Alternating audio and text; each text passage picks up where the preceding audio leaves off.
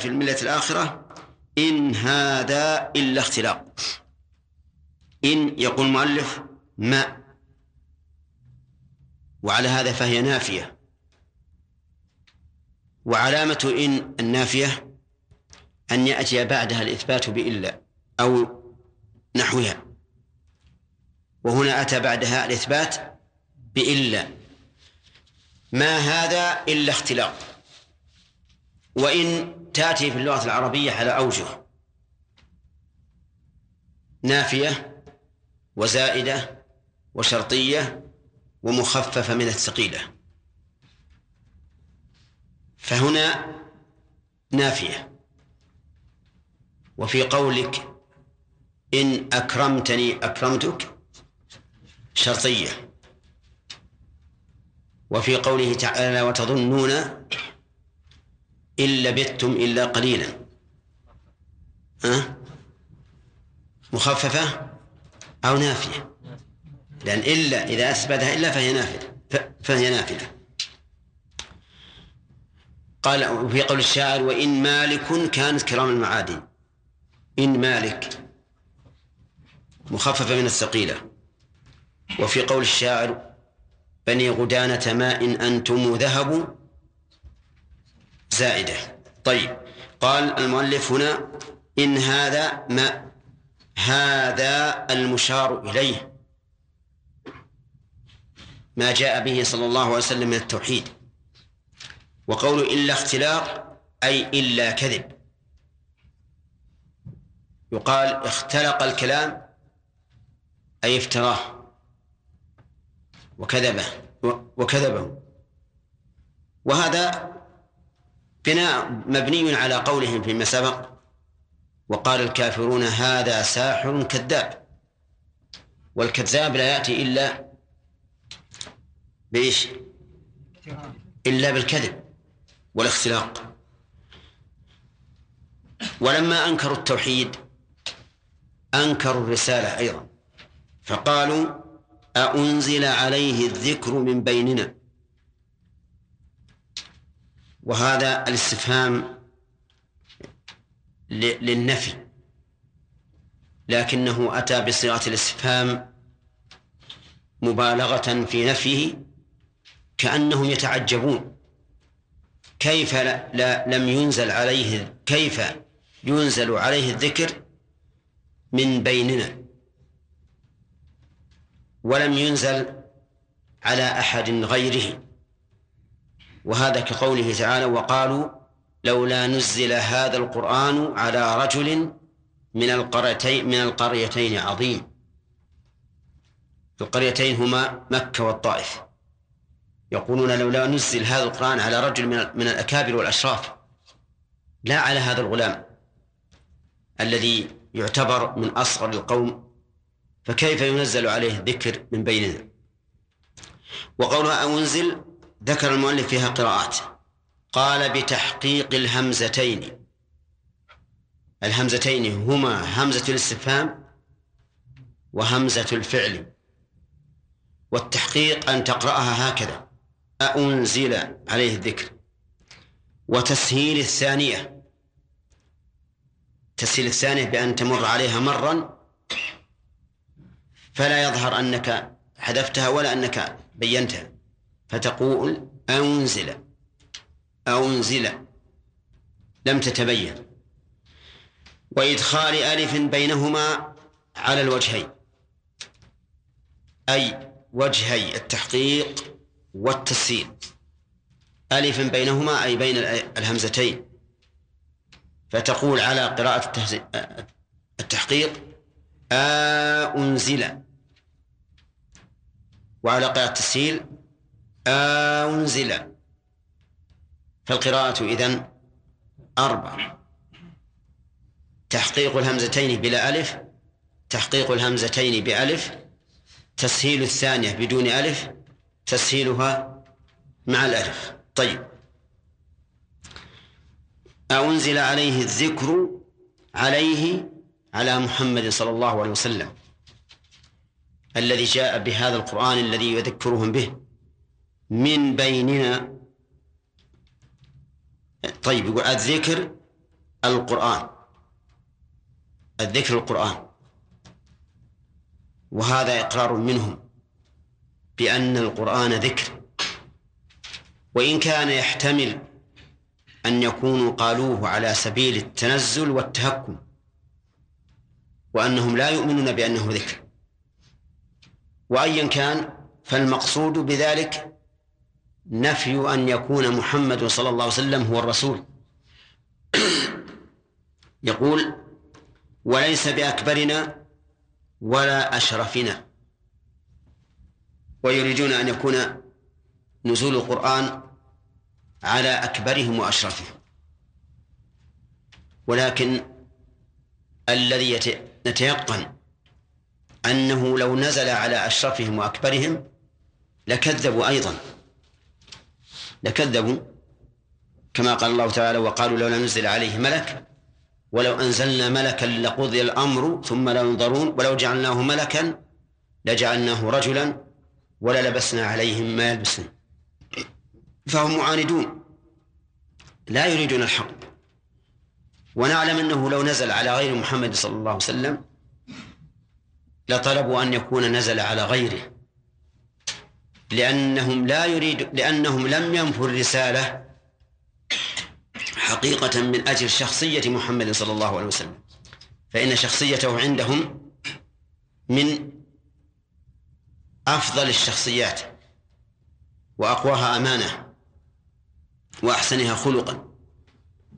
ولكن يقولون هذا على سبيل العناد والمكابرة. فهو فهو كقولهم لما حدثوا بالبعث قالوا إيتوا بآبائنا إن كنتم صادقين. إيتوا بآبائنا إن كنتم صادقين. وهذا مكابرة منهم لأنهم لم يحدثوا بالبعث الآن. حدثوا بالبعث متى؟ يوم القيامة. فلم يأتي الموعد الذي حدد للبعث حتى يتحدوا بهذا التحدي. فيقال لهم إن الله يميتكم ثم يحييكم ثم يجمعكم إلى يوم القيامة. والرسل ما قالت لهم إنكم تبعثون الآن حتى تقولوا هاتوا آبائنا آباءنا. يقول ستبعثون يوم القيامة وسيأتي آباؤهم ومن سبقهم. طيب. نقول إن قولهم لو أنزل عليه الذكر من بيننا. قالوه على سبيل إيش؟ إيش؟ المكابرة. المكابرة والمعاندة. لأننا نعلم أنه لو نزل على غيره لطلبوا شيئا آخر. قال وليس بأكبرنا ولا أشرفنا. أما قولهم وليس بأكبرنا إن كانوا قالوه فهم صادقون. فالرسول ليس بأكبرهم سنا فيه من يكبر وأما قولهم ولا أشرفنا فهم كاذبون. فإن محمدا صلى الله عليه وسلم أشرف الخلق.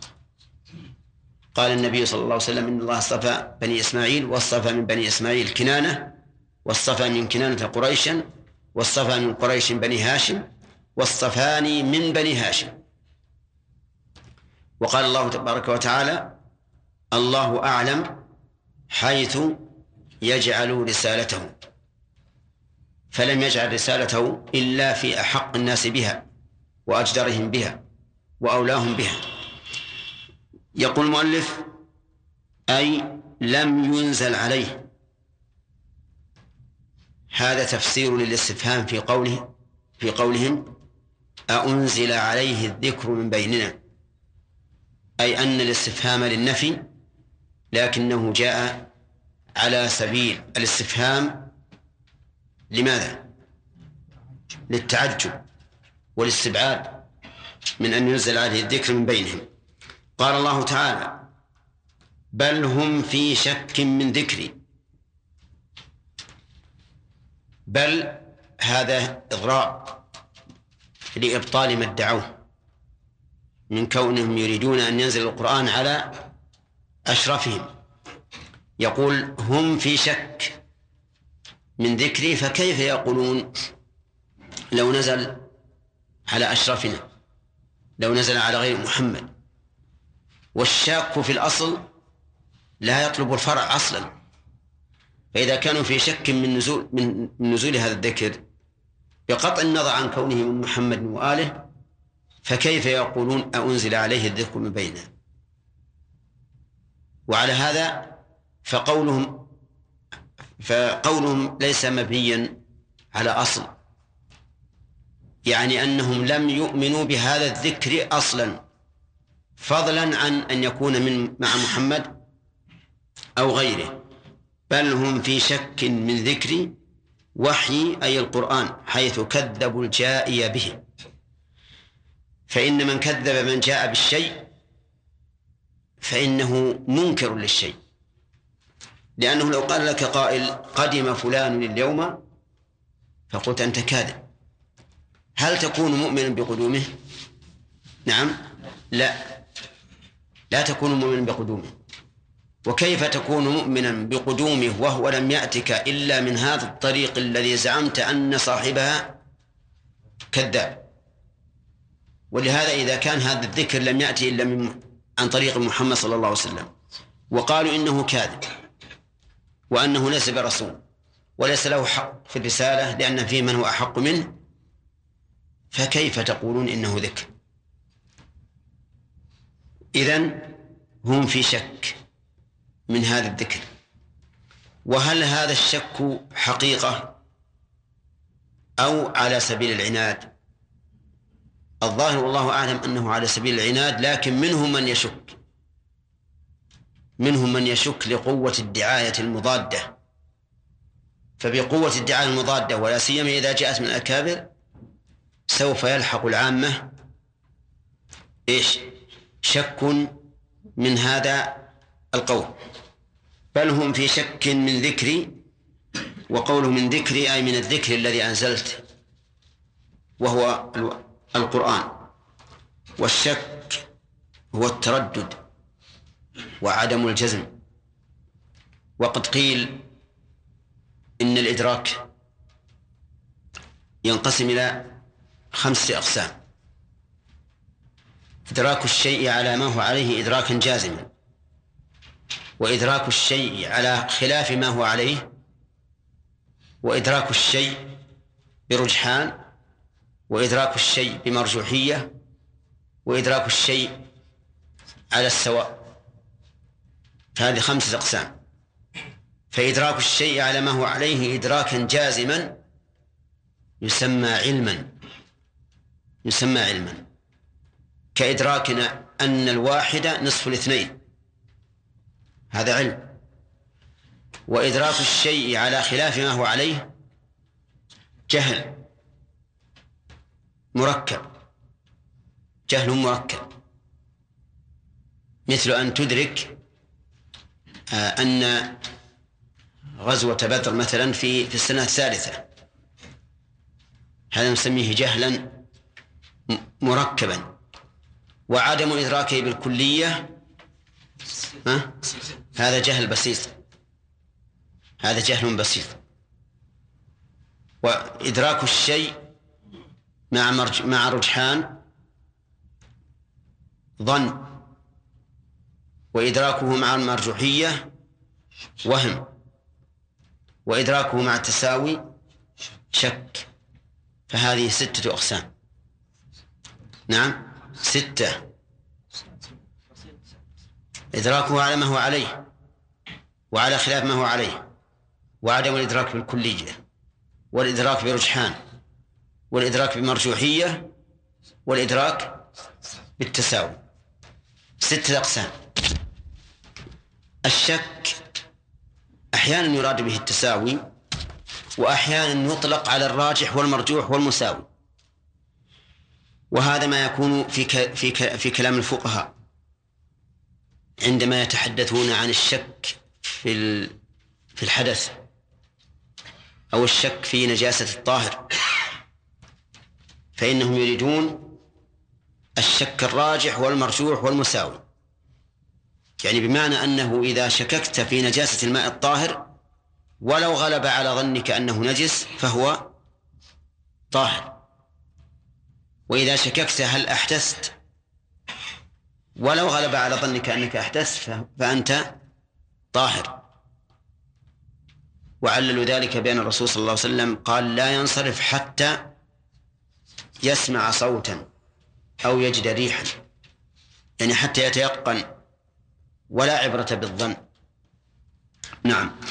يقول بل هم في شك من ذكري بل لما يذوقوا عذاب.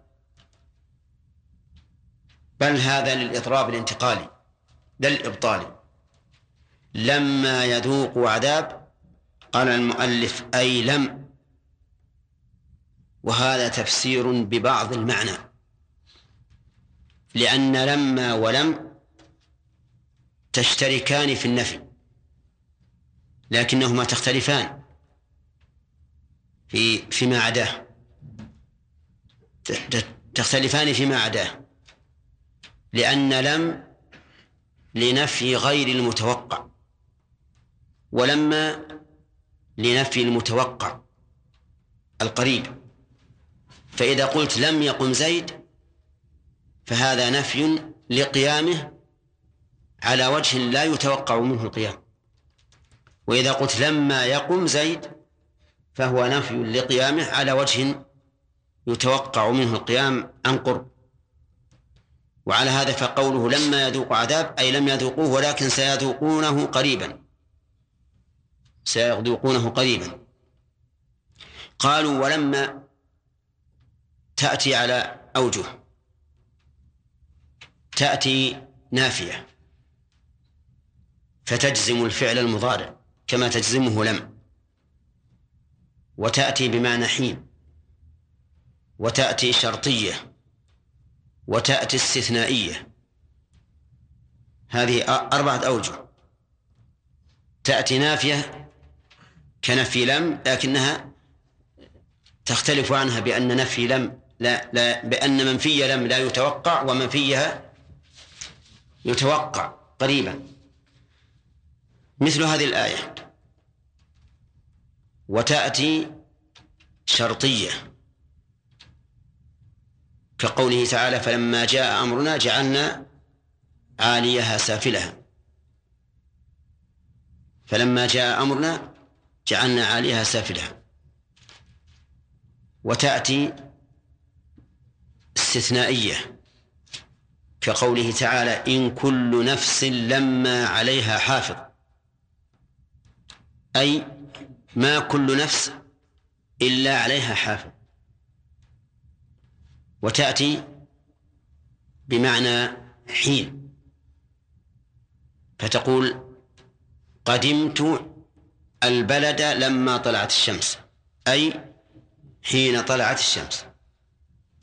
طيب هنا لما يذوق عذاب من أي الأقسام الأربعة؟ النافية. قال بل لما يذوقوا عذابي يذوقوا أصله يذوقونه. لكن حذفت النون للجزم لأن لم من حروف لما من حروف الجزم. طيب. بل لما يذوقوا عذابي ولو ولو ذاقوه لصدقوا. قوله عذاب قد يشكل على طالب العلم. وهو أن الفعل واقع عليه ومع ذلك لم ينصب أي لم يقل بل لما يذوقوا عذابا فكيف فكيف توجيه ذلك؟ كيف لم ينصب عذاب مع أن الفعل واقع عليها؟ والجواب عن ذلك أن نقول إن عذاب أصلها عذابي بالياء. والمضاف إلى المتكلم تقدر عليه الحركات. وذلك لأنه لا بد أن يكسر من أجل مناسبة الياء. فتكون الحركات مقدرة عليه. وعلى هذا فنقول عذاب مفعول يذوق. منصوب بفتحة مقدرة على ما قبل ياء المتكلم المحذوفة تخفيفا. منع من ظهورها؟ اشتغال المحل بحركة المناسبة. والياء هنا حذفت للتخفيف وهذا كثير في القرآن وفي اللغة العربية. أن يحذف أن تحذف ياء المتكلم للتخفيف. كما في قوله تعالى الكبير المتعال وما لهم وما لكم من دونه من وال. تقدير متعالي ومن والي. طيب. وقول بل لما يذوق عذاب. العذاب ليس مطعوما يذاق ولكن الإصابة به ذوق. وذوق كل شيء بحسبه. فإذا أعطيتك حلاوة وأدخلتها في فمك ومصصتها فهذا ذوق. وإذا أعطيتك لحمة ومضغتها فهذا ذوق.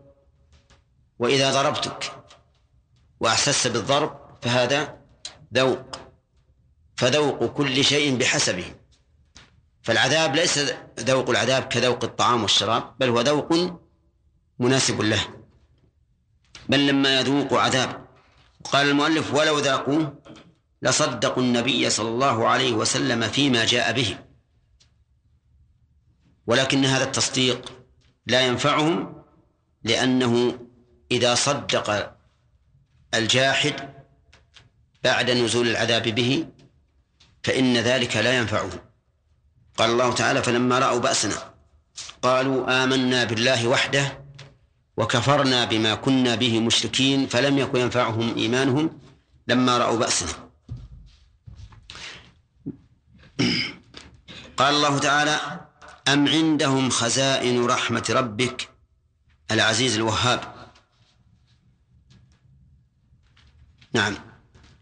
هذا كقوله تعالى وقالوا لولا نزل هذا القرآن على رجل من القرية عظيم قال بعدها أهم يقسمون رحمة ربك حتى يقولوا نجعل النبوة في فلان دون فلان.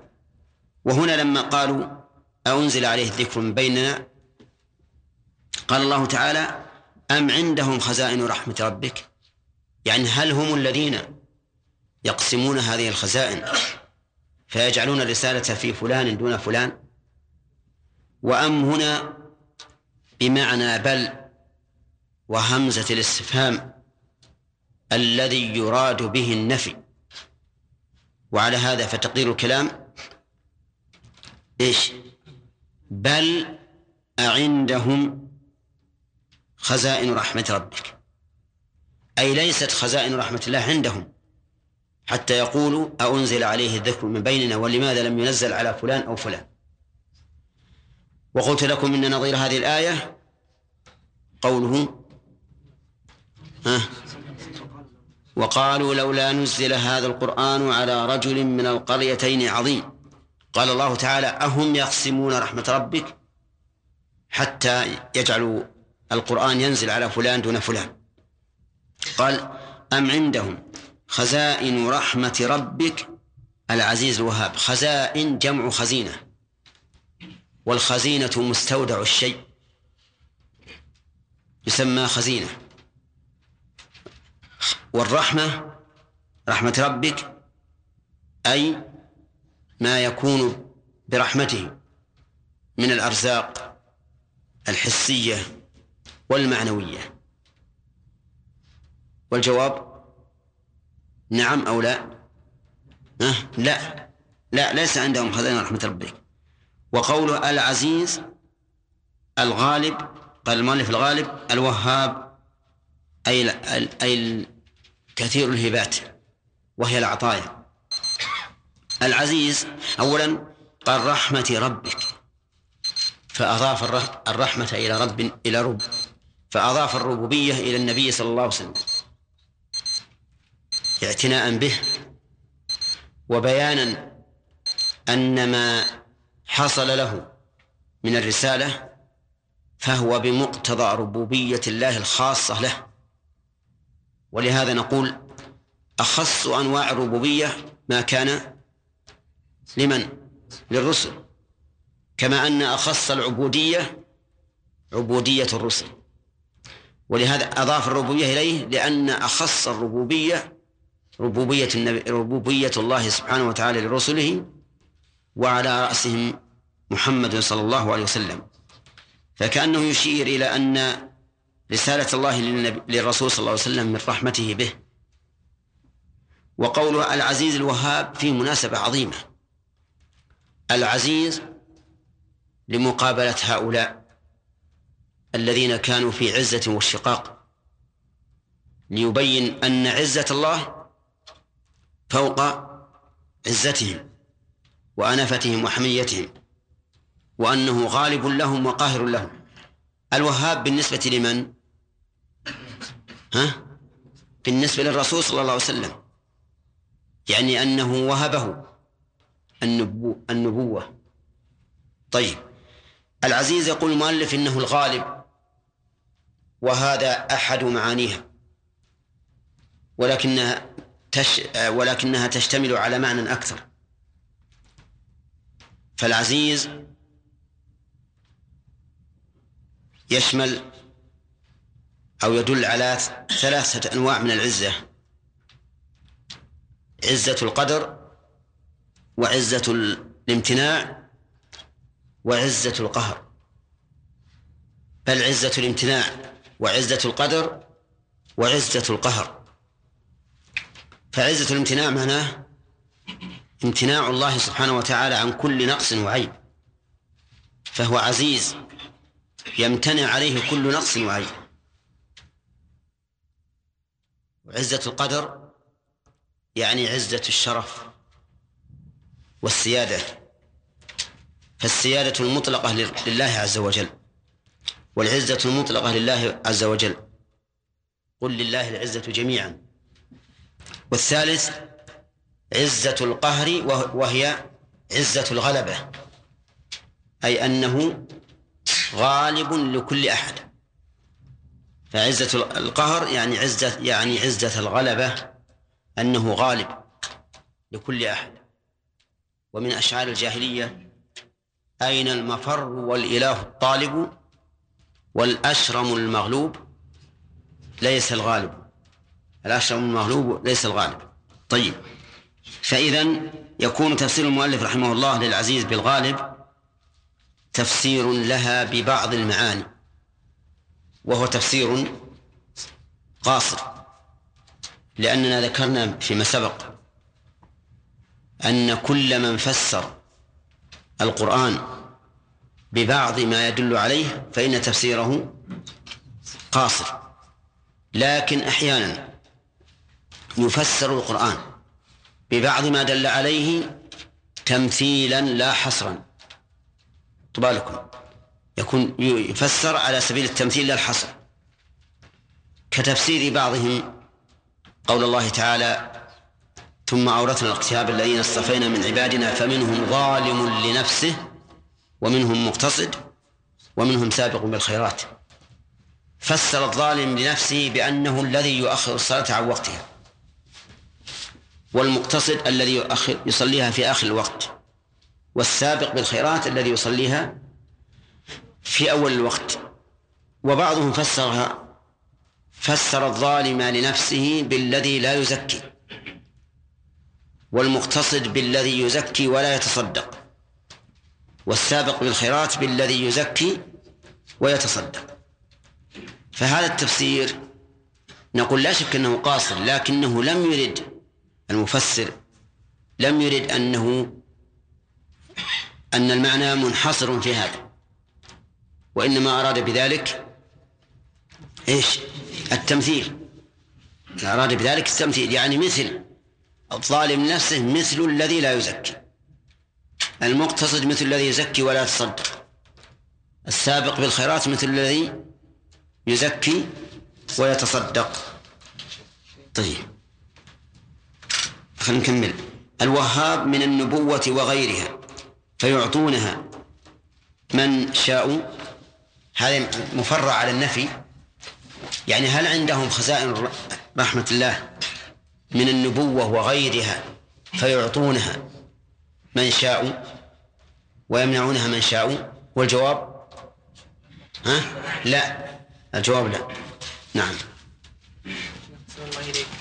في قول المؤلف في قول الله عز وجل بل لما يذوقوا عذاب قال لو ذاقوه لصدقوا النبي. مع ان الله عز وجل يقول بل بدا لهم ما كانوا يخفون من قبل ولو ردوا لعادوا لما نهوا عنه. نعم. وهذا بعد قوله ولو ترى إذ وقفوا على النار. نعم هذا يوم القيامة. إي نعم. هذا يوم القيامة. والعذاب هذا في الدنيا؟ أي في الدنيا. نعم. أعوذ بالله من الشيطان الرجيم. قال الله تبارك وتعالى أم عندهم خزائن رحمة ربك العزيز الوهاب؟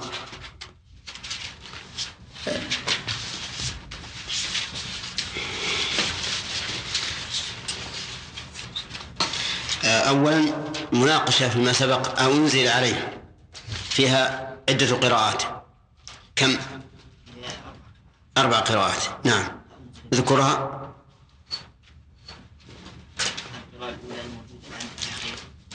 بتحقيق إيش؟ نعم.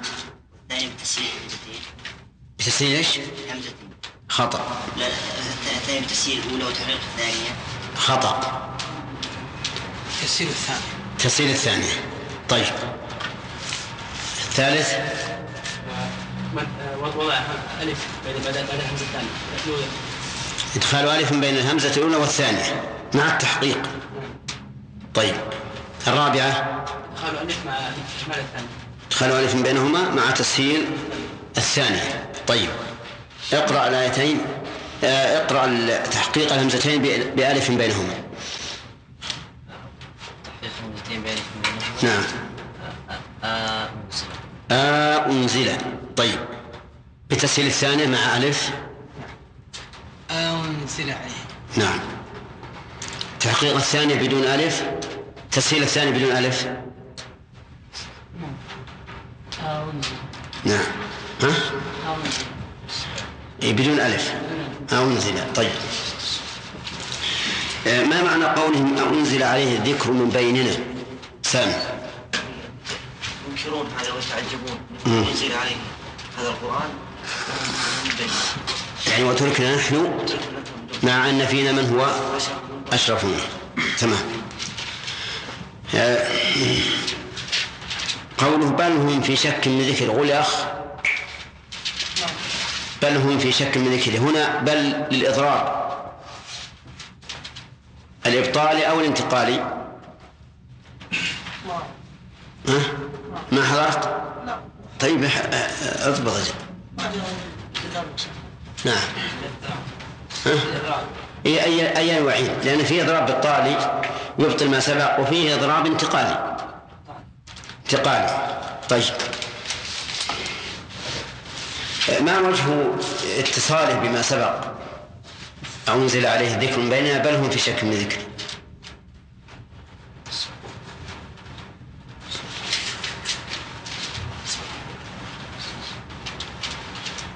نعم هنا لبيان أنهم في شك مما نزل على النبي صلى الله عليه وسلم. طيب هو الأخ يكون انتقالي لكن لكن ما وجه ارتباطه بما سبق سواء ابطالي ولا انتقالي. إنه يا شيخ قال إنهم آه، يعني لن يؤمنوا أو سوف يكونون في شك مما نزل على النبي صلى الله عليه وسلم. يعني ما انه أنه في شك من الذكر سواء على محمد أو على غيره؟ نعم. طيب. اذا يكون دعواهم هذه تحججا تحججا فقط. طيب. قوله بل لما يذوق عذاب. لما عملها إيش؟ ماذا تعمل في مدخولها؟ لما لما نفي تعال هنا. ماذا تعمل في مدخولها؟ لما نفي نفي لغير. ماذا تعمل؟ ما أريد معناها. وش تعمل في مدخولها؟ إذا دخلت على شيء.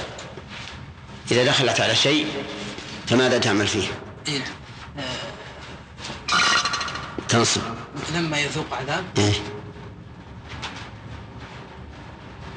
نعم تنصب. تجزم الفعل تجزم. تجزم. ولهذا فسرها المؤلف بلم. عرفت؟ نعم. طيب. تأتي لما في اللغة العربية على عدة أوجه. منها هنا أنها للنفي والجزم. نفي. للنفي والجزم. وغير الشرطية. تأتي شرطية مثال مثاله. وصلت البلد لما طلعت الشمس. لا. ما ما فيها. لا حسب معنى الحين. هذا بمعنى الحين. طيب هذه معنى حين أما الشرطية؟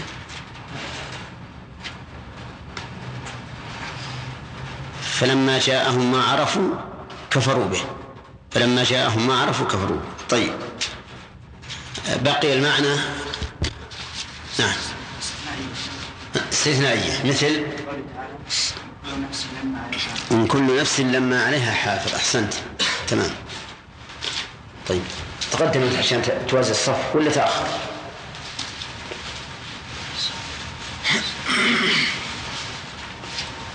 طيب. آه، قوله بل لما يذوقوا عذاب تدل على أنهم لم يذوقوا العذاب ولكن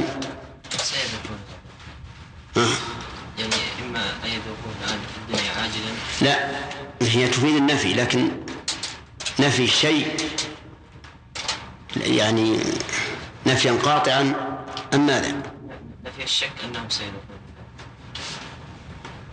نفي المتوقع عن قرب. صحيح.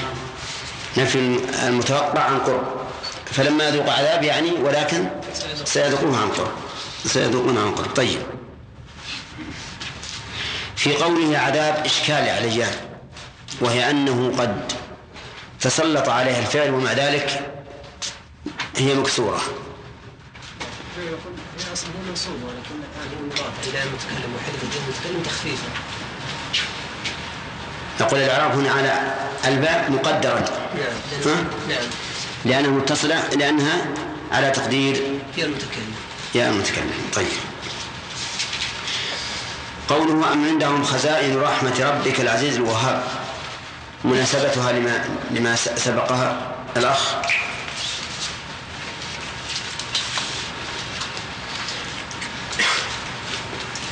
نعم.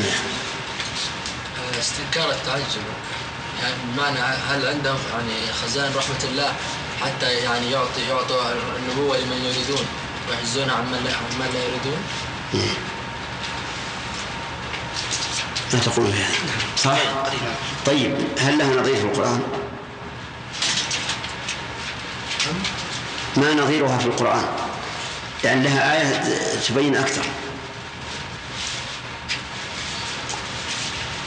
هم يقسمون فقبلها شيء عشان تتفق مع الآية هذه. نعم. تعالى لولا نزل هذا القرآن على وقالوا لولا وقالوا. نزل- وقالوا لولا نزل هذا القرآن على رجل من القريتين عظيم. وهم يقسمون رحمة ربه نعم. ثم قال الله عز وجل في بدء الدرس الجديد أم لهم ملك السماوات والأرض وما بينهما؟ أم هنا للإضراب. فهي بمعنى بل والهمزة. يعني بل ألهم ملك السماوات. وهذا الاستفهام للنفي. للنفي يعني ليس لهم ملك السماوات والأرض. وقول ملك السماوات السماوات جمع سماء. وهو في اللغة العربية كل ما علا فكل ما علاك فهو سماء. ولكن المراد به هنا السماوات المعروفة المحفوظة. السماوات ومعروف أنها سبع سماوات كما صرح الله به في عدة آيات. وقوله والأرض هي هذه الأرض المعروفة. و وهي سبع سماوات سبع أراضين أيضا. كما هو ظاهر القرآن في قوله تعالى الله الذي خلق سبع سماوات ومن الأرض مثلهن. فإن المثلية هنا في العدد لا في الحجم ولا في الكيفية ولكنها في العدد. وكما جاءت السنة بذلك صريحا في قول النبي صلى الله عليه وسلم من اقتطع شبرا من الأرض ظلما طوقه يوم القيامة من سبع أراضين. وقوله وما بينهما أي ما بين السماء والأرض من المخلوقات العظيمة كالشمس والقمر والنجوم والكواكب وغيرها مما لا يعلمه إلا الله. ولكن جعلوا ما بين السماوات والأرض قسيما لها لهما يدل على أن ما بينهما مخلوقات عظيمة. مخلوقات عظيمة تقابل السماوات والأرض. طيب من الذي بينهما؟ قلنا الشمس والقمر والنجوم والكواكب وكذلك الرياح وكذلك الغيوم. إلى إلى ما غير ذلك مما لم نعلمه وربما يعلمون الخلق وربما لا يعلمونه. قال المؤلف إن زعموا ذلك. إن زعموا ذلك أي أن لهم ملك السماوات والأرض. فهل يملكون ذلك؟ لا. لا يمكن. فليرتقوا في الأسباب كأن المؤلف رحمه الله جعل قوله فليرتقوا جوابا لشرط مقدر. يعني إن زعموا أن لهم ملك السماوات والأرض فليرتقوا في الأسباب الموصلة إلى السماء؟ فيأتوا بالوحي فيخصوا به من شاء. نعم. قوله فليرتقوا. ألف هذه واقعة في جواب شرط مقدر. أي فإن زعموا ذلك فليرتقوا. واللام لام الأمر. لام الأمر. وسكنت لوقوعها بعد فاء العطف لأن لام الأمر تسكن إذا وقعت بعد الفاء وثم والواو. قال الله تعالى ثم ليقضوا تفثهم. هذه بعد ثم. وليوفوا نذورهم. هذه بعد الواو. ثم ليض ثم لينظر نعم. فليمدد بسبب إلى السماء. فليمدد بسبب إلى السماء. هذه بعد الفاء. بخلاف لام التعليل فإن لام التعليل تكون مكسورة ولو وقعت بعد هذه الحروف. كما قال الله تعالى ليكفروا بما آتيناهم وليتمتعوا. وليتمتعوا. ولم يقل وليتمتعوا. لأن اللام للتعليل. فلام التعليل تكون مكسورة دائما. ولام الأمر تكون مكسورة إلا إذا وقعت بعد الواو والفاء وثم. طيب ولهذا قال هنا فليمدد بسبب إلى السماء فاللام هنا للأمر. والظاهر أن المراد بالأمر هنا التحدي. يعني إن كانوا صادقين فليمدد فليمدوا بسبب إلى السماء. فليمدد بسبب نعم نعم. فليرتقوا في الأسباب. إن كانوا صادقين فليرتقوا في الأسباب.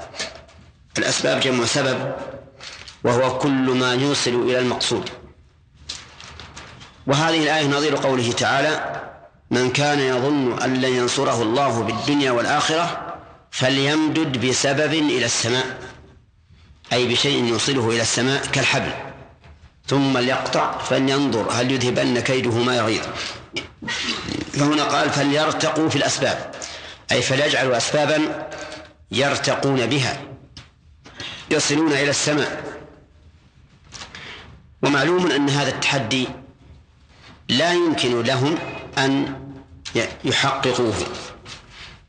نعم. ثم قال الموصل إلى السماء فيأتوا بالوحي فيخصوا به من شاء بناء على قولهم أأنزل عليه الذكر من بيننا. يعني كيف ينزل قالوا إذن ارتقوا للسماء وأنزلوا الوحي وخصوا به من شئتم. طيب ثم قال المؤلف وأم في الموضعين بمعنى همزة الإنكار. الإنكار الذي بمعنى النفي. يعني ليس لهم ليس عندهم خزائن الله وليس لهم ملك السماوات والأرض. بل هم خليون من هذا كله. ثم قال تعالى جند ما أي جند حقير هنالك أي في تكذيبهم لك مهزوم صفة جند من الأحساب صفة جند أيضا. جند ما هنالك؟ جند. خبر مبتدأ محذوف. التقدير هم جند وما نكرة وصفة لأن ما لها عدة معان لها عشرة معان. جمعت في قول الشاعر محامل ما عشر إذا رمت عدها فحافظ على بيت سليم من الشعر. ستفهم شرط الوصل فاعجب لنكرها بكف ونفي زيد تعظيم مصدر أعيد البيتين. محامل ما عشر إذا رمت عدها فحافظ على بيت سليم من الشعر. ستفهم شرط الوصل فاعجب لنكرها بكف ونفي زيد تعظيم مصدر أعيده ثالثة. ستفهم شرط الوصل. نعم. محامل ما عشر إذا رمت عدها فحافظ على بيت سليم من الشعر. ستفهم شرط الوصل فأعجب لنكرها بكف ونفي زيد تعظيم مصدري. من حفظهما؟ نعم. طيب نعم. نعم. طيب. والله ما تبون الخير أنتم. نعم. حاملهما عشرا إذا رمت عشر. عشر إذا رمت عدها. فحافظ على بيت سليم من الشعر. ستفهم شرط الوصل فعجب فأعجب بنكرها بكف النفي زيد تعظيم المصدر طيب. آه، قد نبدأ. ستفهم يعني استفهامية. شرط شرطية. الوصل موصولة. فأعجب تعجبية. لنكرها نكرة سواء واصفة أو موصوفة. بكف كافة ونفي نافية. زيد زائدة تعظيم للتعظيم مصدر مصدرية. طيب هنا جند ما قال المؤلف حقير. فعلى هذا تكون نكرة واصفة أو موصوفة؟ واصفة يعني موصوفا بها لأن ما هنا صفة لجند لكن المراد بهذا الت- التحقير المراد بهذا التحقير والدليل على أن على أن ذلك للتحقير قوله مهزوم مهزوم والمهزوم حقير ولا خطير ها؟ حقير طيب.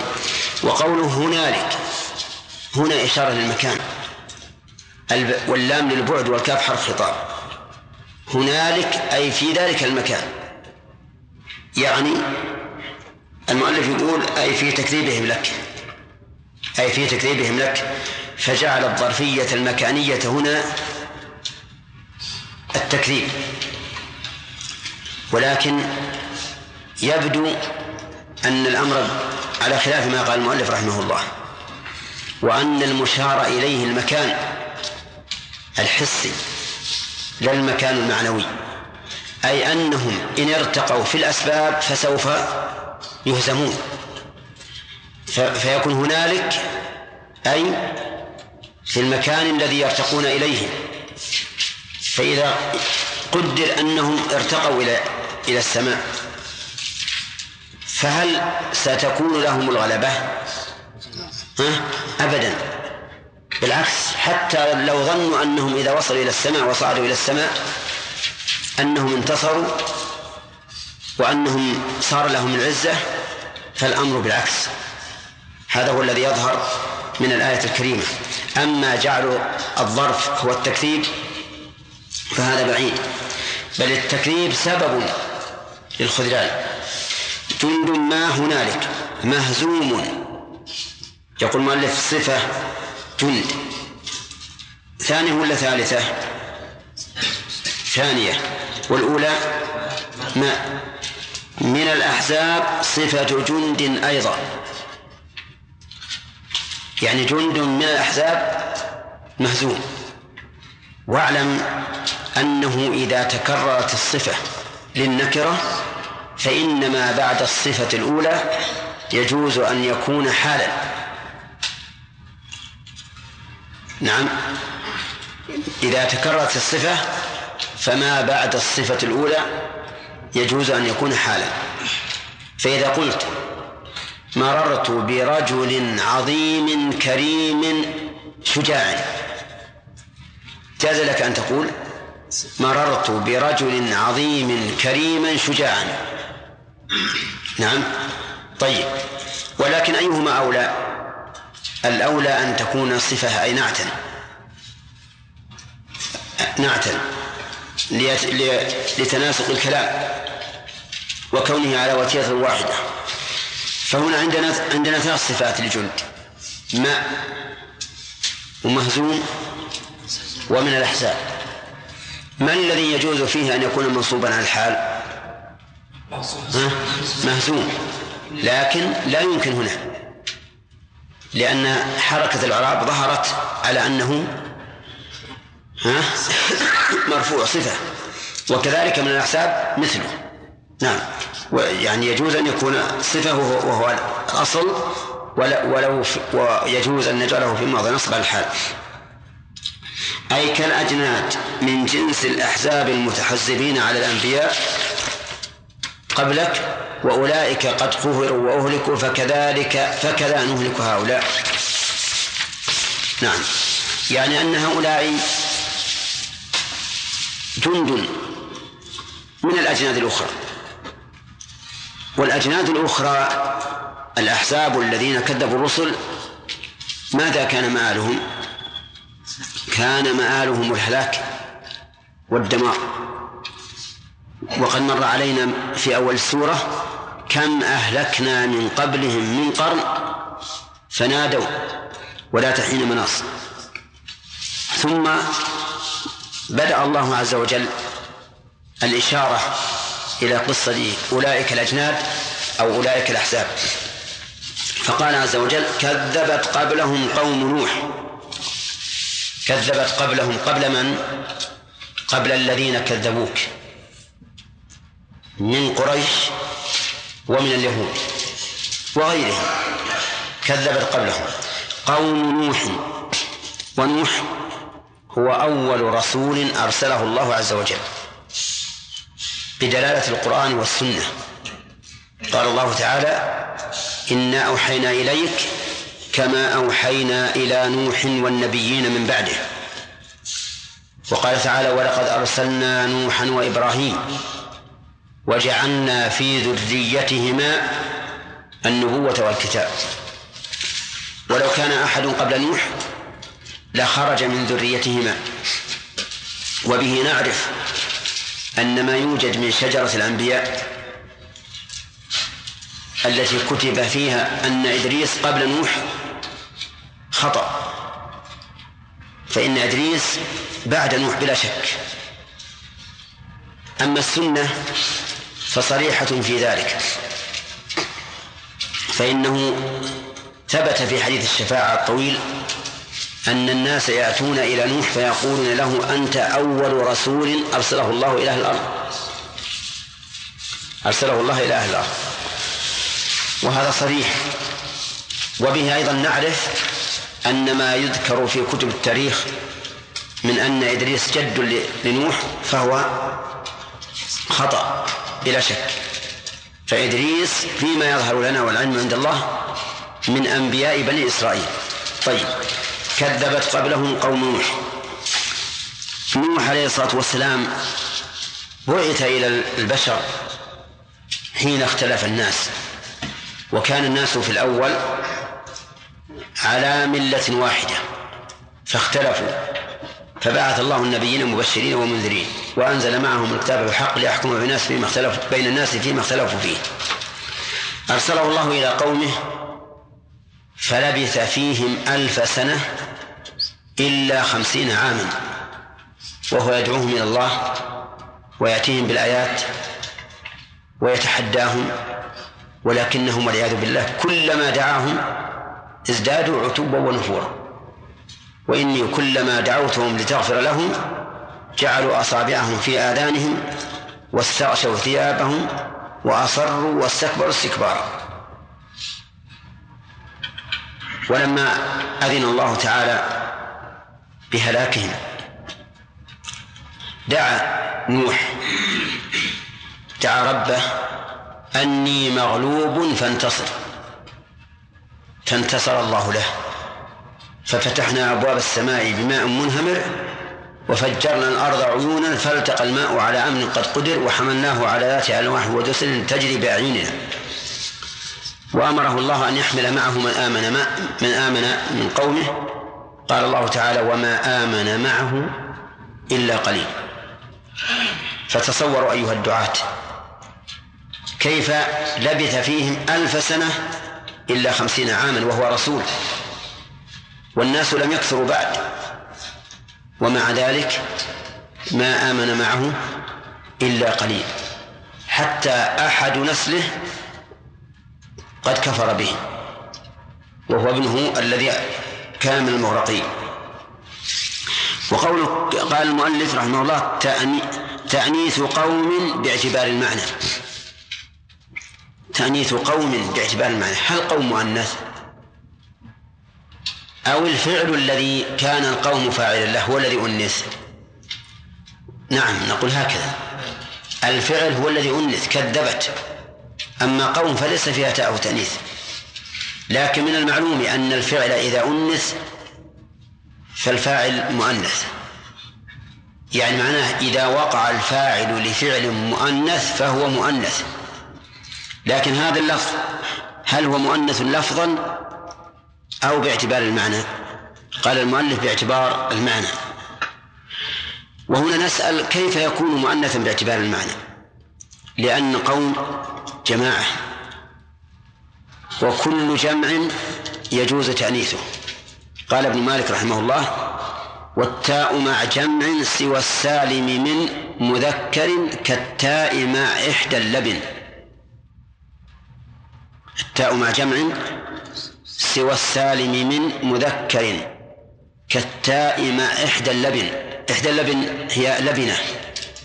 فلبنة يجوز فيها التذكير والتأنيث لكن التأنيث أرجح. كذلك جميع الجموع ما عدا جمع المذكر السالم يجوز فيه وجود التاء في الفعل. طيب. قال وعاد وفرعون ذو الأوتاد. عاد عاد قوم هود. كانوا بالأحقاف. وكانوا ذوي شدة وقوة. من أشد الناس قوة. فأعجبوا بقوتهم واستكبروا وعصوا رسولهم عليه الصلاة والسلام وافتخروا بما أعطاهم الله من القوة. كما قال الله عنهم فأما عاد فاستكبروا في الأرض بغير الحق وقالوا من أشد منا قوة؟ قال الله تعالى أولم يروا أن الله الذي خلقهم هو أشد منهم قوة. فتأمل قوله أولم يروا أن الله الذي خلقهم؟ لأن فيها إشارة إلى أنهم ضعفاء أمام خالقهم. ولم يقل أولم يرى أن الله خلق السماوات قال خلقهم فهم مخلوقون والخالق أعلى من من المخلوق وأشد منه قوة هو أشد منه قوة وكانوا بآياتنا يجحدون. فأهلكهم الله أهلكهم الله على حين طمع في رحمته. أرسل الله عليهم ريحا عظيمة. ولما رأوا ما تحمله الريح من الرمال العظيمة ظنوا أن ذلك سحاب. لما رأوا هذا قالوا هذا عارض ممطرنا. فقال الله تعالى بل وما استعجلتم به ريح فيها عذاب أليم تدمر كل شيء بأمر ربها. فعصفت بهم الريح. العقيم حتى كانت تحمل الواحد منهم إلى جو السماء ثم تقلبه على رأسه فصاروا كأعجاز نخل خاوية. أعجاز النخل يعني أصولها وجذوعها. خاوية منتكسة فأصبحوا لا يرى إلا مساكنهم. طيب ومع ذلك ما آمن معه إلا نفر قليل. قالوا وفرعون ذو الأوتاد. كان يتد لكل من يغضب عليه أربعة أوتاد يشد إليها يديه ورجليه ويعذبه. نشوف فرعون. فرعون الذي أرسل إليه موسى. وكان ملكا قاهرا لمصر. جبارا عنيدا. استعبد أهل مصر. وقال لهم أنا ربكم الأعلى. وسخر بموسى. وقال لهم أم أنا خير نعم من هذا الذي هو مهين ولا يكاد يبين. وفخر بما أعطاه الله تعالى من الأنهار. قال لهم أليس لي ملك مصر؟ وهذه الأنهار تجري من تحتي أفلا تبصرون؟ وكذب موسى وحارب موسى لكن ليس بالسلاح بل بما جمع له من السحرة لأنه أوهم الناس أن موسى كان ساحرا. قال هذا ساحر لأنه يضع العصا في الأرض فتكون حية ويدخل يده في جيبه فتخرج بيضاء من غير سوء. هذا ساحر وجمع السحرة وألقوا بما عندهم من السحر العظيم الذي أرهب الناس حتى موسى عليه الصلاة والسلام رهب وخاف. فقال الله تعالى قلنا لا تخف إنك أنت الأعلى وألق ما في يمينك تلقف ما صنعوا. فأيده الله وألقى ما في يمينه العصا. فصارت حية عظيمة التهمت الحبال والعصي الذي التي ملأوا بها الأرض وصارت وصار يخيل للناس أنها حيات وثعابين تسعى التهمتها كلها. وسبحان الله كيف هذه الحية التي كانت عصا تلتهم كل هذا؟ هذا من آيات الله. فلما رأى السحرة هذا الأمر دهشوا وعلموا أن هذا ليس بساحر. لأن الساحر لا يمكن أن يأتي بمثل هذا هذا الأمر. بل هو حقيقة. وهو آية أيد الله بها موسى. فآمنوا. آمنوا كلهم. كل السحرة. وسجدوا لله. ذلا وعبادة. وقالوا معلنين. آمنا برب العالمين رب موسى وهارون. فماذا يكون تأثير هؤلاء القوم الذين انتصر بهم فرعون بين الناس؟ سيكون تأثيرهم بين الناس كبيرا وعظيما. أرأيتم لو أن أحدا من من من الملوك جمع أكبر ما عنده من المهندسين في حشد عظيم ثم أقروا وأعلنوا لخصومه خصوم هذا الملك. ماذا تك... ماذا يكون شعور الناس؟ أجيبوا سيكون شعورهم أن الملك مهزوم. ولهذا لما حصل إيمان السحرة لجأ فرعون إلى القوة والقهر. وهددهم بأن يقطع أيديهم وأرجلهم من خلاف ويصلبهم على جذوع النخل حتى يذوقوا العذاب. ولكنهم لإيمانهم قالوا لن نؤثرك على ما جاءنا من البينات والذي فطرنا. فاقض ما أنت قاض. إنما تقضي هذه الحياة الدنيا. إنا آمنا بربنا ليغفر لنا خطايانا وما أكرهتنا عليه من السحر. والله خير وأبقى. فصمدوا أمام هذا الطاغية العنيد حتى صاروا في أول النهار من السحرة الكفرة وصاروا في آخر النهار من المؤمنين البررة. ما الذي حصل من فرعون؟ بقي مستمرا على طغيانه والعياذ بالله حتى أهلكهم الله بالغرق. بجنس ما كان يفتخر به على قومه وعلى موسى حين قال وهذه الأنهار تجري من تحتي فأهلك بالماء الذي كان يفتخر به. وقول المؤلف وفرعون آه، ذو الأوتاد قوله كان يتد إلى آخره. الذي يظهر أن هذا ليس هو سبب الوصف بذي الأوتاد. وإنما السبب الحقيقي أن المراد بالأوتاد القوة التي أثبت بها ملكه كأوتاد الخيمة تثبت بها الخيمة. ولا يبعد أن يكون من جبروته أن يضع أوتادا أربعة يصلب عليه الإنسان ويعذبه. ما يبعد هذا. لكن هذا لا يمكن أن يمتدح به. فرعون على أنه ذو قوة. بل الصحيح أن المراد بالأوتاد هنا إيش؟ ما كان عليه من القوة التي ثبت بها ملكه. كأوتاد الخيمة تثبت بها الخيمة. أعوذ بالله من الشيطان الرجيم. وثمود وقوم لوط وأصحاب الأيكة كذبت قبلهم. كذبت قبلهم. كذبت قبلهم قوم نوح وعاد وفرعون ذو الأوتاد. وثمود وقوم لوط وأصحاب الأيكة. أولئك الأحزاب. إن الرسل فحق عقاب. وما ينظر هؤلاء إلا صيحة واحدة ما لها من فواق.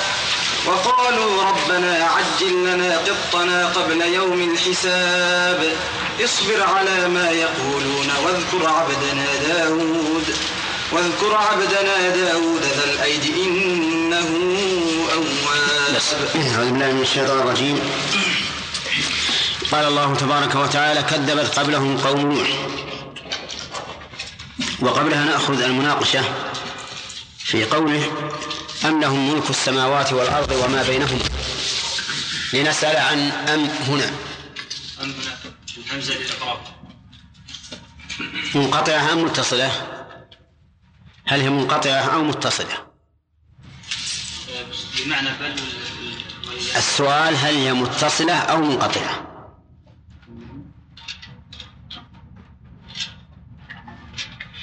نعم. منقطعة. مقدرة ببل والهمزة. ما الفرق بين المتصلة والمنقطعة؟ المنقطعة لا تنصر بين شيئين متعادلين نعم. أما تكون بمعنى بل. والمتصلة؟ المتصلة تذكر بين شيئين متعادلين هذا فرق. وتكون بمعنى أو الفرق الثاني أن المتصلة بمعنى أو والمنقطعة بمعنى بل. بمعنى بل طيب. ماذا يفيد قوله وما بينهما؟ نعم. أن ما بين السماوات والأرض من المخلوقات نعم. بعدل قسيم للسماوات والأرض. قد يكون أعظم لكن لا نعلم. هذا أن ما بين السماوات والأرض. جعله الله قسيما للسماوات والأرض في العطف مما يدل على أن بينهما أشياء عظيمة. تمام. اللام في قوله فليرتقوا فهد. اللام لام إيش؟ ليرتقوا نعم. الأمر لكن أتي بها لل للاستهزاء ليرتقوا هنا. اللام لام الأمر. لكن ما المراد بالأمر هنا؟ بس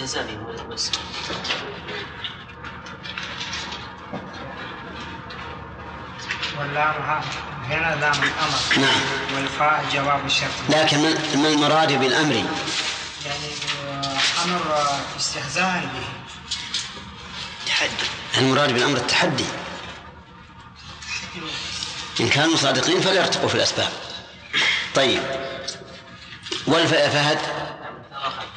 في جواب شرط مقدر والتقدير. إن كانوا صادقين هنا إن كانوا صادقين أو إن كان لهم ملك السماوات والأرض فليرتقوا في الأسباب. طيب ما ما المراد بالأسباب يا بخور الأسباب إيه ما المراد بها؟ كل ما يوصل إلى إيه لكن ما المراد بها هنا؟ إيه كل ما يوصل إلى السماء. أي الأسباب الموصلة إلى السماء ها؟ طيب هل هناك دليل يؤيد ما قلت؟ نعم.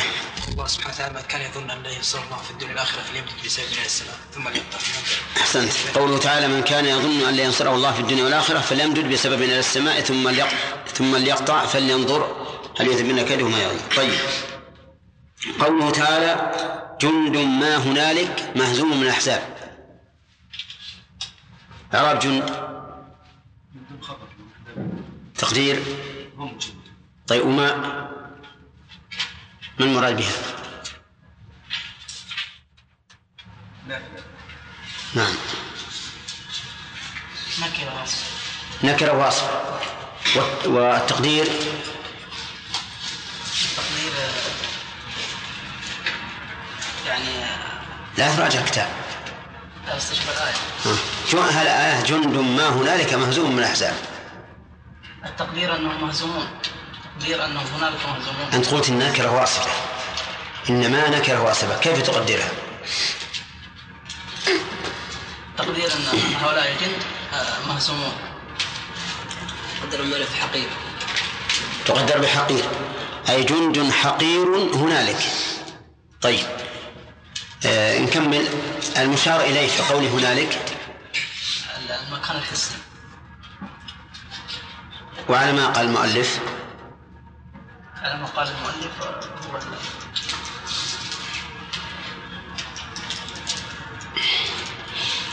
مكان المعنى والتكريم مكان معنوي هو التكذيب.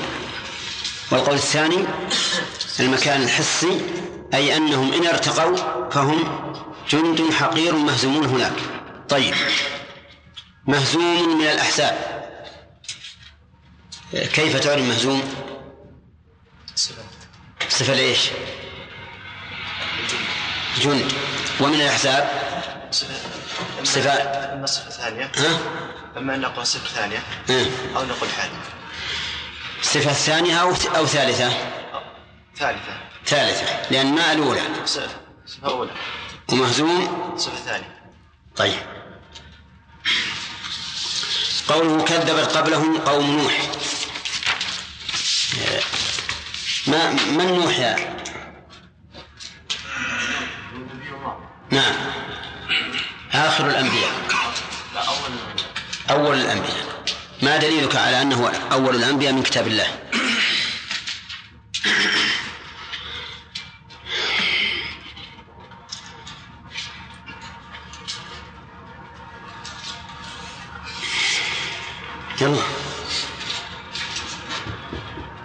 عبد المنان قوله تعالى إنا أوحينا إليك كما أوحينا إلى نوح بعده الشاهد قوله؟ ما الشاهد من الآية. إلى نوح والنبيين من بعده. إلى نوح والنبيين من بعده. دليل آخر. نعم. أنت أنت أيها الذي أثبت. أو ما حضرت أمس. طيب. نعم. قوله تعالى لقد أرسلنا نوحا وإبراهيم وجعلنا في ذريتهم ولقد أرسلنا نوحا وإبراهيم وجعلنا في ذريتهما النبوة والكتاب. طيب آه، دليل من السنة. قوله عليه السلام في حديث كما في حديث الشفاعة نعم. أن الناس يأتون إلى نوح عليه السلام فيقولون أنت أول رسل الله. أنت أول رسول أرسله الله إلى أهل الأرض. طيب. آه، وبناء على هذا نستفيد بأن من قال إن إدريس أحد أجداد نوح خطأ وغلط. طيب تمام. كم بقي نوح في قومه؟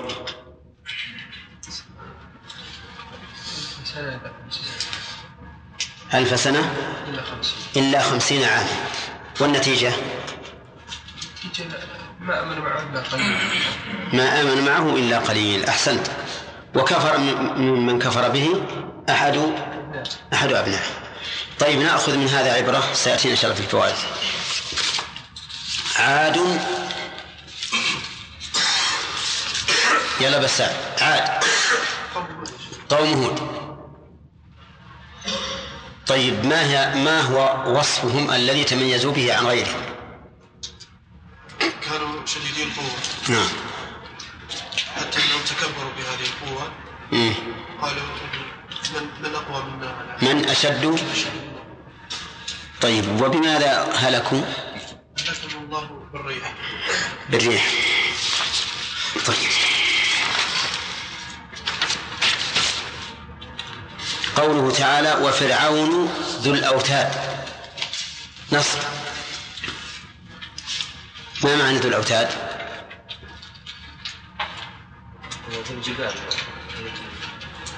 لا وين؟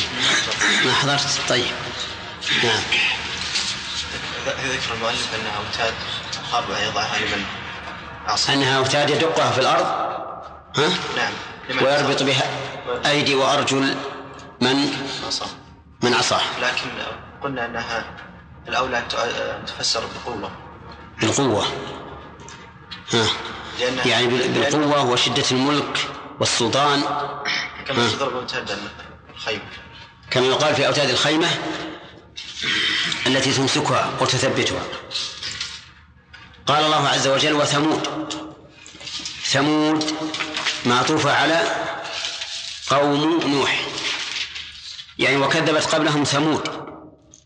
أصحاب صالح. وهم في مكان يقال له الحجر. وتسمى الآن بمدائن صالح. أرسله الله سبحانه وتعالى إليهم ولكنهم كفروا به. ولم ولم يؤمن معه إلا قليل. وآتاهم الله تعالى آية عظيمة وهي ناقة يحلبو يحلبونها يوما وتشرب الماء يوما آخر.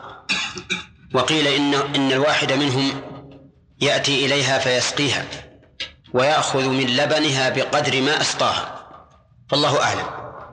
المهم أن هؤلاء القوم عندهم قوة. يتخذون من الجبال بيوتا. ولا تزال آثارهم باقية إلى اليوم. وقد مر النبي صلى الله عليه وسلم بها وهو ذاهب إلى تبوك فقنع رأسه صلى الله عليه وسلم يعني غطاه وأسرع في السير. وقال لا تدخل على هؤلاء القوم المعذبين إلا وأنتم باكون فإن لم تكونوا باكين فلا تدخلوا عليهم أن يصيبكم ما أصابهم. قال وقوم لوط لوط ابن أخي إبراهيم.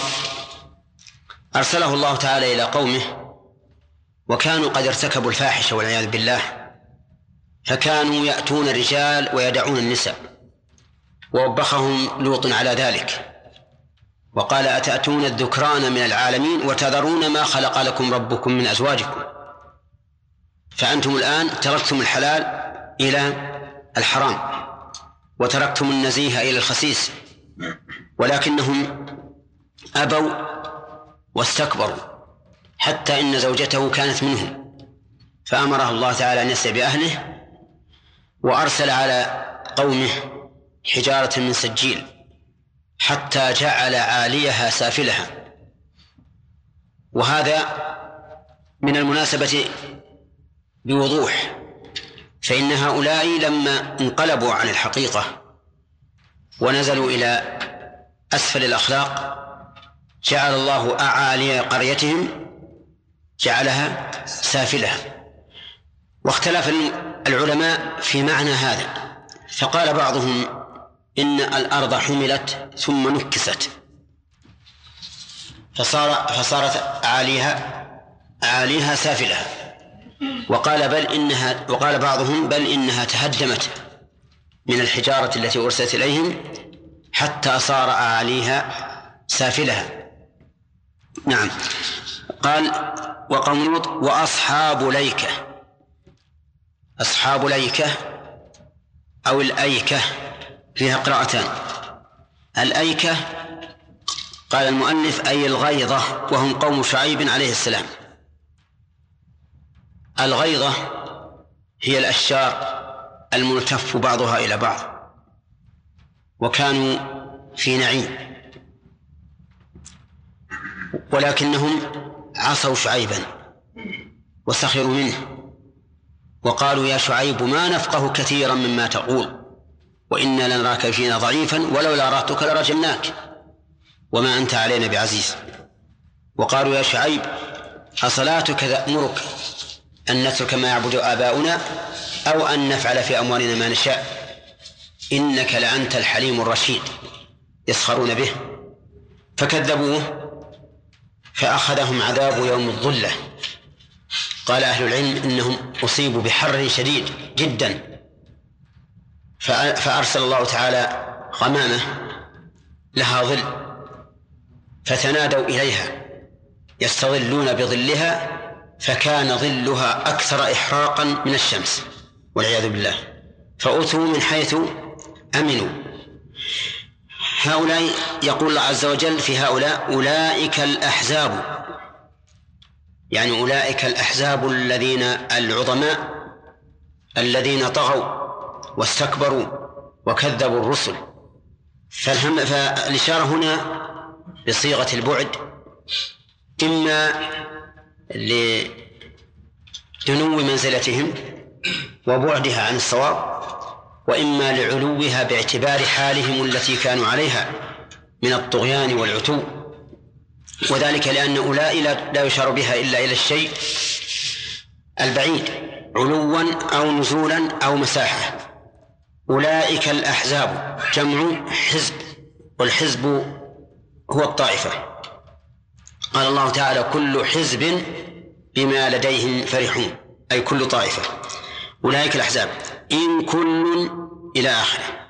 أولئك الأحزاب يحتمل أن تكون مبتدأ وخبرا.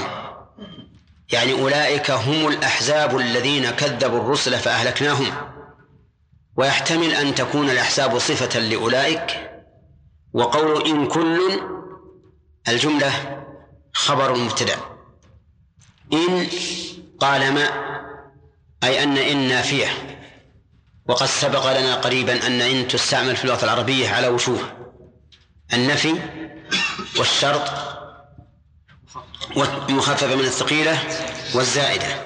قال إن كل ما كل من الأحزاب إلا كذب الرسل.